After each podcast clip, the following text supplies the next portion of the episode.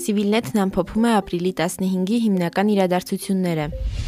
Արցախի նախագահը առաջիկայում հարցակնության է հրավիրվելու սահմանադրական կարգը տապալելու հատկանիշներով հարուցված քրեական գործով։ Այս մասին տեղեկացնում են Արցախի դատախազությունից։ Հարցակնության օրվա մասին կհայտնվի լրացուցիչ։ Արցախի դատախազությունը հայտարարել էր, որ Արցախում սահմանադրական կարգը տապալելու հատկանիշներով քրեական գործ է հարուցվել հասարակական կազմակերպությունների կողմից 2020-ի դեկտեմբերի 12-ին Արցախի գլխավոր դատախազություն ներկայացված հանցագործության մասին համատեղ հաղորդման քննարկման արդյունքում։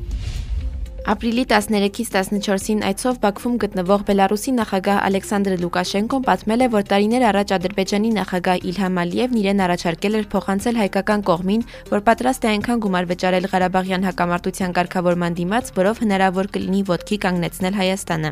Այնուհետև հստակեցրել զրույցի պահին նավթի գինը գերազանցել է բարելի դիմաց 100 դոլարը։ Անցյալ տարի դեկտեմբերի 7-ին համացանցում տարածվեց սկանդալային ձայնագրություն, որում Բելարուսի նախագահ Ալեքսանդր Լուկաշենկոն 2016-ին Հայաստանի նախագահ Սերժ Սարգսյանին առաջարկում է Ադրբեջանին հանձնել Լեռնային Ղարաբաղին հարակից 7 շրջանները, առաջին փուլում 5 միլիարդ դոլարի դիմաց։ Ի պատասխան Սարգսյանը պատրաստակամություն է հայտնել վճարել 6 միլիարդ, եթե Ալիևը հրաժարվի այդ շրջաններից։ Սերժ Սարգսյանի գրասենյակը ձայնագրության հրապարակումն ընդունել էր որպես փաստ եւ զերծ էր մնացել մեկնաբանություններից։ Ապրիլի 15-ին Կոտայքի մարզում Արամուս գյուղի մոտակայքում տեղի ունեցած վրաերթի հետևանքով երկու պայմանագրային զինծառայող է մահացել։ Այս մասին տեղեկացնում են Հայաստանի պաշտպանության նախարարությունից։ Գերատեսչությունից հայտնում են նաև, որ վրաերթի ենթարկված մեկ այլ զինծառայող ստացիոնար բուժման է ընդունվել Պաշտպանության նախարարության կենտրոնական կլինիկական զինվորական հոսպիտալ։ Նրա առողջական վիճակը գնահատվում է ծանր։ Մյուս զինծառայողները բժշկական զննություն անցնելուց հետո վերադարձել են ծառայության վայր։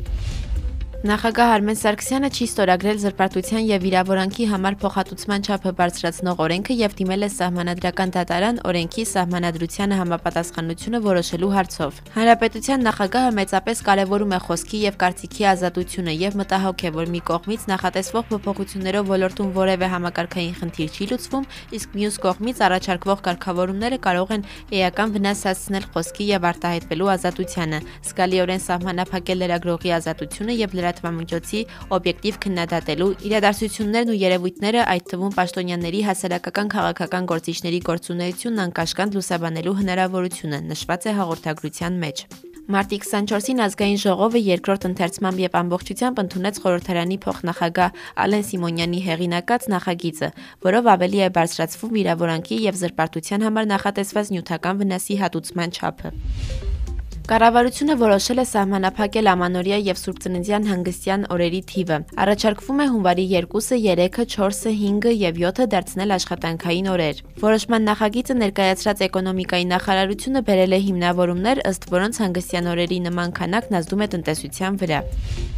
Հայաստանը առևտրային կցորդ կունենա Իրանում։ Համապատասխան որոշման նախագիծն ընդգրկված էր կառավարության ապրիլի 15-ի նիստի օրակարգում։ Նման որոշման համար հիմք է հանդիսացել Իրանի պետական ու մասնավոր ընկերությունների կողմից Հայաստանի Հանրապետության պետական հատվածի ու գործարար շրջանակների հետ փոխգործակցություն իրականացնելու ուղղությամբ վերջին ժամանակահատվածում ցուցաբերած մեծ հետաքրքրությունը։ Կառավարությունը կանխատեսում է, որ կցորդի հաստիկի ստեղծումը դրական կազդի հայաստանյան տնտեսության վրա։ Իրանցի ներդրողները հետաքրքրություն կցուցաբերեն մեղրի ազատ տնտեսական գոտ գոտու եւ կառուցվող ինժեներական քաղաքի նկատմամբ։